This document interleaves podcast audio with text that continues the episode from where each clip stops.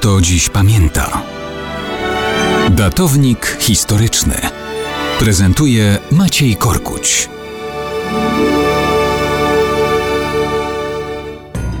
Mało kto dziś pamięta, że dokładnie 250 lat temu, 9 kwietnia 1768 roku, urodziła się królowa Kartli i Kaheti Maria Ciciszwili. Większość z Państwa zapyta, a cóż to za Kartlia, cóż za Kahetia?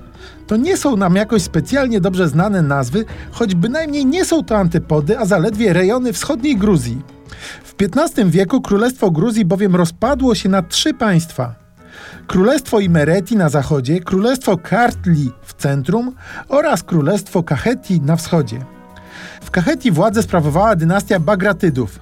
W kolejnych wiekach musiała się ona znaleźć pomiędzy Turcją, Persją i rosnącą w potęgę Rosją.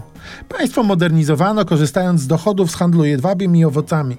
W pierwszej połowie XVIII wieku przez kilkanaście lat wszystkie gruzińskie królestwa plądrowali Turcy. Wyparli ich Persowie, którzy obsadzili tron Kartli i Kaheti. Gruzini wykorzystali zaraz potem konflikty wewnętrzne w Persji i w połowie wieku doprowadzili do pełnej niezależności obu królestw. Po kilkunastu latach udało się połączyć oba państwa pod jedną władzą i tak powstało Królestwo Kartli i Kaheti właśnie. W tym połączonym państwie władcą został Jerzy XII. To on po śmierci pierwszej żony związał się z Marią pochodzącą z gruzińskiego książęcego rodu Ciciszwili.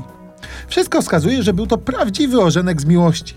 Może Jerzy XII był czułym małżonkiem, ale trudno go uznać za władcę wybitnego. Co gorsza, po jego śmierci w 1800 roku Rosja, nie patyczkując się nadmiernie, zlikwidowała niepodległość obu królestw, włączając całą Gruzję w granice Imperium Carów.